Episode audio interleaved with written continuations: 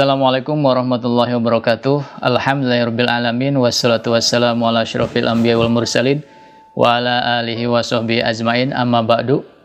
Qala Allah taala fil Qur'anil azim bahwa sadaqul qailin a'udzubillahi minasyaitonir rajim bismillahirrahmanirrahim. Yarfa'illahu ladina amanu minkum utul ilma darajat. Wa qala Rasulullah sallallahu alaihi wasallam may yuridillahu bi khairan yufaqihu fid din. Alamin kita bisa berkumpul dan bertemu kembali dalam season kesempatan ini yaitu season atau acara tanya jawab. Ada beberapa pertanyaan yang masuk ke WA saya. Di antaranya pertanyaan begini. Dalam kondisi darurat, perang saja masih dianjurkan untuk sholat berjamaah. Mengapa saat menghadapi virus corona dilarang? Bagaimana pendapat Ustadz? Uh, ini masalah ini ya uh, tadi disebutkan masalah darurat perang saja. Kalau dalam hal ketika dalam konteks perang itu ada yang namanya dengan sholat pisidatil khawb, sholat dalam keadaan takut, ya ketakutan. Ya. Misalnya mereka atau umat Islam sedang berperang, kemudian musuh masih mengintai, maka dia boleh saja sholat sebagaimana keadaannya itu. Itu disebut dengan sholat syidatul khawb nah kemudian dalam konteks sekarang tentang apa e, wabah virus corona yang sedang menyebar gitu ya bahkan menular bahkan dalam datanya sudah berapa ribu yang meninggal dunia di dunia ini maka ada juga elat ke khawbnya itu. Khawb artinya takut Tuh. Artinya bahwa ketika kita dalam keadaan takut, ya, maka boleh saja kita, ya, artinya e, berjamaah ataupun misalnya sholat Jumat itu ditiadakan. Itu kalau dalam ilatnya itu ilat hukumnya itu adalah takut, itu ya, khawb atau takut. Nah dalam hal ini ada beberapa uzur, uzur sholat berjamaah yang sering disebutkan di dalam kitab fikihnya oleh para ulama di antaranya adalah misalnya ujurnya itu karena al-mator. Al-mator itu hujan ya.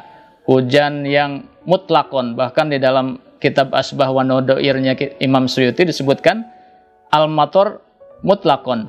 Maksud mutlak berarti uh, hujannya itu ketika di siang dan di malam hari. Kemudian ada salju. Salju yang membasahi baju. Kalau misalnya kita keluar menuju masjid keluar rumah itu di luar banyak salju kemudian itu membasahi baju kita. Atau bahkan mungkin saljunya itu yang amat dingin sekali sehingga dingin yang e, menusuk tulang persendian kita hingga itu menjadi uzur. Artinya berarti tidak ke masjid pun tidak apa-apa. Sholat bisa sholat di rumah gitu ya. Kemudian uzur yang lainnya misalnya al-wahal syadid. Wahal syadid itu lumpur yang belepotan. Kalau misalnya kita keluar rumah untuk sholat berjamaah di masjid, kemudian di luar banyak lumpur, lumpur yang syadid, lumpur yang banyak, itu kemudian maka kita baju kita akan belepotan. Itu termasuk uzur berjamaah. Artinya kita tidak berjamaah ke masjid pun tidak apa-apa. Kemudian e, selanjutnya adalah misalnya al-marid. Nah, saya e, samakan konteksnya itu antara sholat berjamaah dengan sholat Jumat. Ini hampir sama itu ya. Sama kasusnya itu sekarang itu. Di dalam kitab Al-Asbah wa Nadoir e, karya Imam Suyuti e, dinyatakan di sana tercantum bahwa kulu udrin askotol jama'ata askotul jum'ata. Setiap uzur atau halangan yang menggugurkan sholat berjamaah, maka itu otomatis menggugurkan juga sholat Jum'ah. Maka saya di sini satukan atau samakan ya, samakan antara uzur sholat berjamaah dengan uzurnya sholat Jumat. Sama saja. Karena apa? Pemerintah mengimbau supaya masyarakat atau jamaah tidak sholat berjamaah di masjid. Artinya e, mereka berpindah sholat berjamaahnya itu di rumah-rumah masing-masing. Tetapi esensinya adalah tetap ada, yaitu tetap sholat berjamaah di rumahnya, walaupun tidak sholat berjamaah di masjid.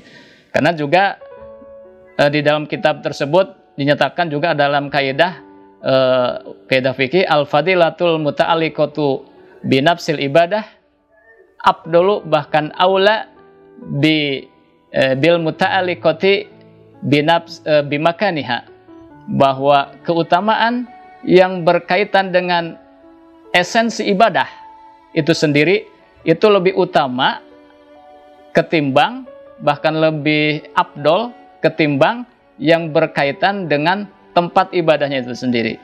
Sekarang eh, keutamaan dalam ibadah sholat adalah berjamaahnya, gitu ya. Dibanding dengan tempat berjamaahnya itu di masjid. Maka ini bisa kita masukkan dalam konteks ini bahwa uh, kita boleh saja pindah sholat berjamaahnya karena uzur tadi itu. Karena khauf kita takut dengan adanya virus corona yang sedang menyebar luas sekarang, maka kita pindahkan saja sholat berjamaahnya ke rumah. Eh, tapi tetap esensinya tidak hilang, yaitu sholat berjamaahnya tetap gitu. Ya. Eh, di dalam eh, Imam Syuti di dalam kitabnya tersebut uh, disebutkan misalnya kalau kana masjidun la jama'ata fiha wa hunaka jama'atun fi seandainya ada masjid la jama'ata fihi yang di dalamnya tidak ada tidak dilaksanakan sholat berjamaah wa hunaka jama'atun sementara di luar sana di luar masjid artinya misal di rumah atau di kantor atau di sekolah atau di pabrik dan di tempat-tempat lain itu didirikan sholat berjamaah. Pas sholat Tuhan al jamati khorizahu abdolu minal infirod. Maka sholat berjamaahnya di luar masjid, artinya di tempat-tempat selain masjid, itu abdul lebih utama minal infirodi ketimbang sholat sendirian. Nah ini e, contoh ini ada juga sering gitu, sering disebutkan oleh para ulama dalam kitab-kitab fikihnya termasuk dalam kitab Fatul Muin gitu ya. Hanya saja ada pengecualian oleh Imam Suyuti ini dinyatakan bahwa al jamaatul qalilatu fil masjid jamaah yang sedikit artinya berarti jumlah jamaahnya itu sedikit gitu ya. Fil masjidil qoribi di masjid jamaahnya sedikit tapi tetap dilaksanakan di dalam masjid al qoribi masjid yang terdekat jadi ida khosya at-ta'tilu kalau misalnya dikhawatirkan taktil, artinya tartil itu kosong, tidak ada jamaah di masjid. Laulam yahdur fihi abdulu, seandainya dia tidak hadir di masjid itu, maka masjidnya kosong, tidak ada tidak dilaksanakan sholat berjamaah. Maka kata Imam Syuti, abdulu minal kathiroh, itu lebih utama ketimbang minal kathiroh sholat berjamaah dengan jumlah jamaah yang banyak figurih di selain masjid itu sendiri.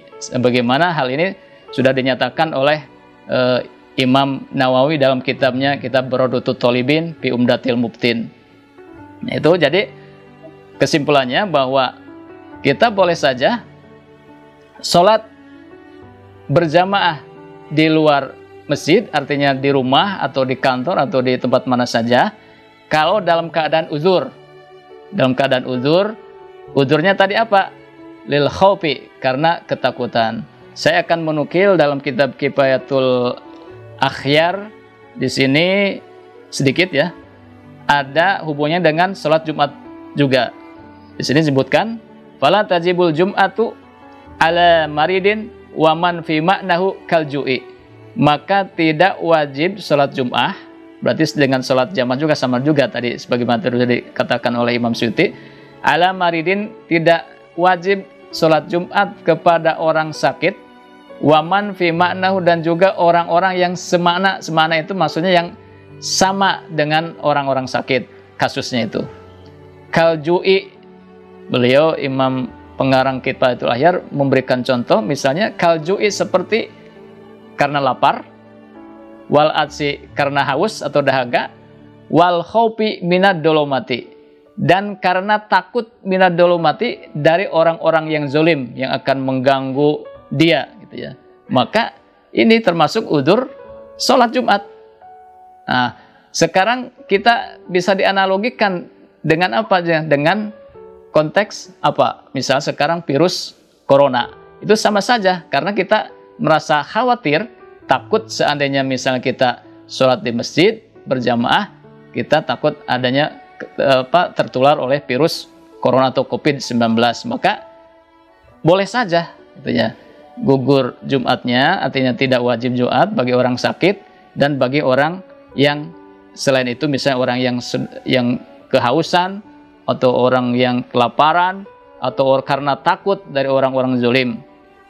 Bahkan di sini disebutkan wa hujjatu adamil wujubi alal maridi hujjah dalil atau argumen tidak wajibnya Jumatan kepada orang sakit al hadis susabik karena hadis yang sudah dinyatakan di sini itu wal baki bil kiasi alihi sementara yang sisanya yaitu misalnya uh, alju uh, lapar wal atas atau dahaga wal khopi atau takut. Misalnya takut itu bil kiasi alihi itu hanya mengkiaskan atau menganalogikan kepada orang sakit. Berarti bisa juga kita mengkiaskan atau melakukan gimana takutnya itu karena takut virus corona gitu ya. Wapi maknal marid man bihi ishalun wala yakdiru ala dubti bi nafsihi wa yukhsa masjidi. Bahkan ditambahkan lagi uh, bahwa makna marid dalam makna marid maknanya orang yang sakit itu adalah man bihi orang yang punya sakit pilek. Sehingga pilek itu dia biasanya kan mengucur gitu ya, mengucur dari hidungnya itu uh, maka dikhawatirkan misalnya dia akan berceceran itu ya berceceran di mesin itu kata pengarang ini tidak apa-apa dia itu termasuk berarti dia ada uzur itu ya uzur karena sakitnya dan sakitnya sakit pilek yang seandainya dia masuk ke masjid maka dikhawatirkan akan mengotori masjid karena bercecernya uh, air pilek itu flu. Itu saja mungkin uh, jawaban dari saya. Mudah-mudahan bermanfaat. Terima kasih. Assalamualaikum warahmatullahi wabarakatuh